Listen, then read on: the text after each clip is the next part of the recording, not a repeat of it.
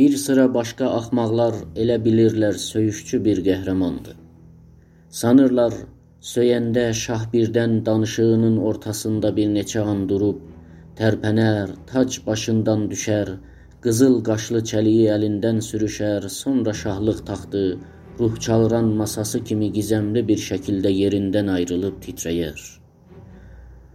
Rəhmət bunları o qədər düşünürdü, birdən dedi: "Kül mənim kimi axmağın başına." Sorğuçu başını qaldırıb şaşıraraq Rəhmətə baxdı. Rəhmət hiss elədi sorğuçu onun ağla gəlib Savakin önərisini boynuna almağı düşünür. Bircəndli sol əlini biraz özünə sarı çəkdi, ancaq Rəhmətin sağ əlinin çəkiləcəyi qədər yox. Zöhrə artıq toxtamış ağlamağın arxasından dedi: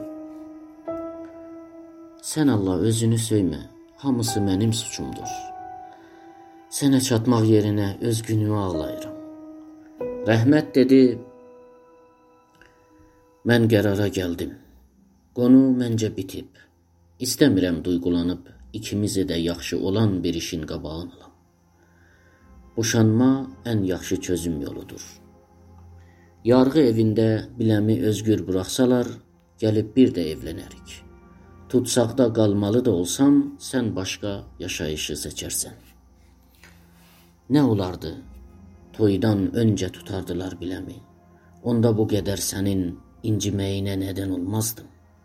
Sən min arzu ilə mənə gəldin, mən sənin bütün arzularını kül etdim. Rəhmət duyğulanmamışdı. Bu sözləri ciddi deyirdi. Sonra başını sorğuçuya sarı çöndərib dedi: Sorğuçu bəy, doktor bəy, yalvarıram, qoyun mən qaynatamın adına bir vəkalətnamə yazım. Sorğuçu şaşırıb soruşdu, vəkalətnamə?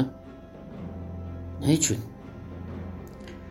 Arvadımı boşatdırmaq üçün əl açıq olsun.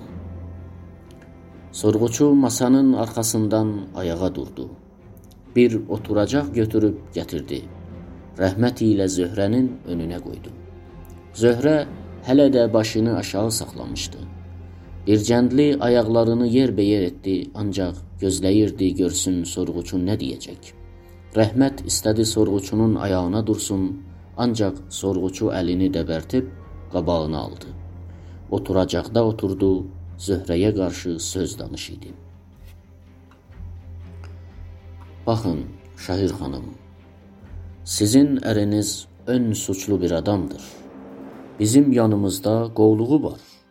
Dostağa düşməsi ilk kəz deyil, birinci kərə buraxdılar. Biləsini işgilli adamlarla tutmuşdular.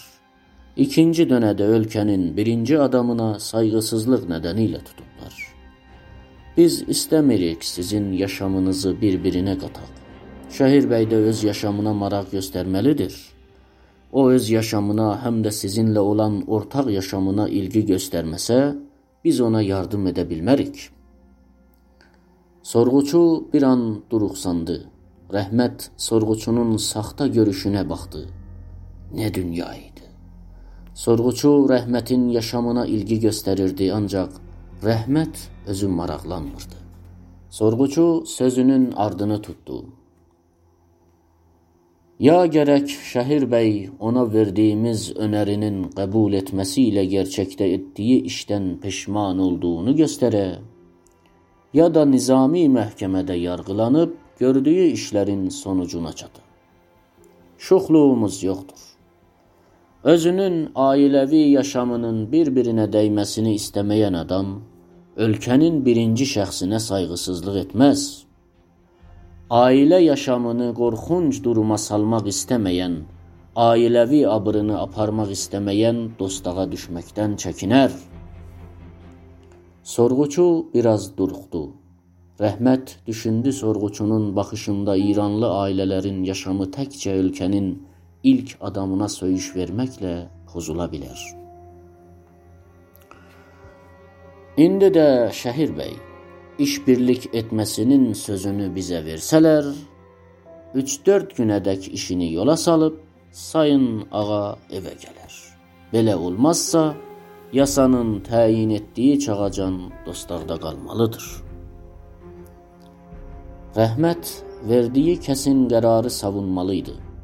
Elə bil arvadı sorğuçu ilə onun arasında yarğıcı olmağı qəbul etmişdi. Doktor bəy, qonuları öncədə birlikdə araşdırdıq. Yadınızda olsa, neçə gün dalbadalda bu qonu haqqında danışdıq. Ölkə yasalarına görə, həm də yarğı evinin verdiyi hər necə qərara görə daha yaxşısı mənim dostaqda qalmağım sonucuna çatdıq. İndi mənim üçün sorun xanımımın qonusudur. Mən istəməyirəm bir nəfəri 2 il, 4 il ya hər neçə il mənim dostaqda olduğum sürədə öz istəyimə görə qurban edəm. Mənim belə bir haqqım yoxdur. Gərək gənc bir qadının yaşamını dostaqda olan bir kişinin istəyinə qurban etməyəsən. Bu mənim istəyimdir. Həm də kəskin bir istəkdir. Sizin qarşınızda yalvarıram. Vəkalətnamə yazmaq üçün mənim yolumu açın. Sorğuçu dedi: Şəhir xanım, siz Şəhir bəy ilə danışın. Ağlamaq, sızlamaqla iş düzəlməz. Ya bizimlə işbirliyi edəcək, ya yasalara görə dostaq sürəsini çəkəcək. Üçüncü bir çıxış yolu yoxdur. Zöhrə dedi: Nə istədiyi onun öz əlindədir. Mən edə bilmərəm qarışım. Ancaq mən bir şey bilirəm. Mən istəməyirəm boşanam. Rəhmət dedi: Amma mən istəyirəm boşayam. Zöhrə dedi: Hər kim arvadını sevsə, heç vaxt ondan ayrıla bilməz. Heç bir zaman boşanmaz. Rəhmət dedi: Amma mən səndən ayrılmışam. Səndən ayrı yaşayıram. Sən də məndən ayrısan.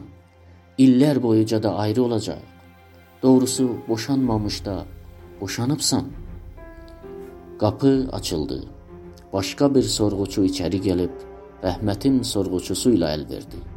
Kök bir kişi idi. Qonur gözlü, iri, əzüləli əllərlə. Rəhmət onu qabaqca sorğuçuların otağında tutsaqları vurub söz alırkən görmüşdü. Bu sorğuçunun arxasıca bir orta yaşlı kişi ilə 43-4 yaşlı bir arvad içəri girdilər. İçəri gələn sorğuçu onlara oturacaq göstərdi. O ikisi oturdular. İkisi qorxmuş olsalar da maraqlı görünürdülər. Rəhmət ilə arvadına baxırdılar. İkinci sorğuçu telefon başına getdi, nömrə tutub buyruq verdi. Əhməd Bəharini görüşmək üçün gətirsinlər. Rəhmət düşündü, kəsinliklə Əhməd Bəharının ataya qayın atası dostaqları ilə görüşmə vaxtı almaq üçün sürücü, qulluqçu, külfət ya da Timsar Cəfərinin özünü ya da ayrı bir timsarı tanıyırmışlar. Rəhmətin sorğuçusu dedi: "Görüşmə bitdi." Rəhmət dedi: "Vəkalətnaməni haçan yazım?" Zöhrə dedi: Yox, yazsam atam da bu işi görsə özümü öldürərəm. Rəhmət dedi: Zöhrə, mənə görə sevgi, yoldaşlıq üçün boşanmağı boynuna al. Yaşamında yaxşı birisini seç, məni də unut. Onun arvadı ol, beləliklə mən də hər yerdə olsam arxayınam. Rəhmət göz yaşları ilə duyğuların qabağının almaq istədi. Azca da olsa bacarılı oldu. Sorğuçu bir cəndiyə buyruq verdi rəhməti apara. Rəhmətin arvadına da dedi: "Xanım, siz buyurun neçə dəqiqə qalın." Rəhmət yola düşərkən arvadı arxasıca dedi: "Hələlik."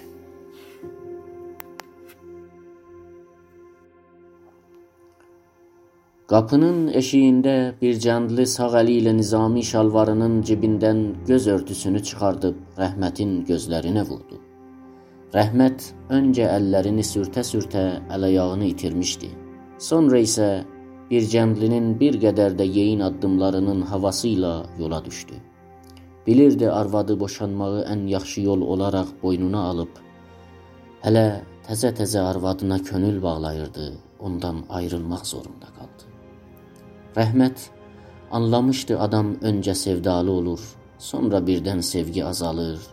Daha sonra hər iki tərəfin səlğələri, adətləri, qılıqları bir-birinə uyğun olsa, sevgi yenidən qayıdıb hər şeyi ürəyə yatım həm də şirin edir. Tutuqlanmadan qabaq arvadı ilə lap elə bu durumdaydı. Arvadı ilə görüşməsinin ilk 3-4 həftəsində onu sevdiyini duymuşdu. Birdən-birə gülümsəyirdi. Gözgüdə özünə baxırdı. Düzgün geyinib özünü təmiz saxlayırdı. Gövdəsində Zöhrənin əli dəydiyi yerlərə maraqlanmışdı. Sevgi onu gövdəsinə maraqlı etmişdi. Zöhrəni görməmişdən qabaq elə bil heç gözü yoxmuş. Zöhrə ona demişdi, gözləri görünməmiş bir etki biləsində yaradıb. O ilk onun gözlərinə vurulub, sonra başqa yerləri sevib. Rəhmət Zöhrənin sözlərindən sonra elə baxırdı, sanki yaşıl gözləri başqa bir adamındır. Ya heç adamların üzünə bağlı bir şey deyildi. Ola bilsin əntiqə bir şeydir. 34-5 il sürəsində dəyəri tanınmamışdı. İndi isə bir uzman əntiqəci əli ilə ortaya çıxıbdır. Gizəmi, sırrı oxunubdur. İndi onun üzü kimin bir yerdədir onun üzünün muzəsində görünüşə qoyulub, rəhmət də gərək bir muzə qapıcısı kimin bu əntiqəni toz topraqdan, oğurlamayla toxuncadan uzaq tutsun. Daha sonra birdən-birə rəhmət Zöhrəyə sevdalı olmadığını duydu. Nədənini bilmirdi. Sevgi gəldiyi kimin getdi. Hələ rəhmət sevinc duyğusu da yaşadı. Ola bilər Zöhrə onun istədiyi qadın olmağı bacarmayıb, onun yaşamını düzənə sala bilməz. Bu nədənlə öcür hiss edirdi. Özünü sınayıb bir ayca Zöhrənin orucunu tutdu. Bir ay özünü zorladı. Zöhrəni görməsin. İlk həftə hər şey yolundaydı. İkinci həftənin ortasında görünməmiş bir yalnızlıq hiss etdi. Davranışının pis olduğunu anlayırdı. Oxulda yaxın yoldaşlarını saymırdı. Öyrətmənlik etdiyi oxulların qapıcılarını salamını almırdı. Sınıfda da çox qaşqabaqlı idi.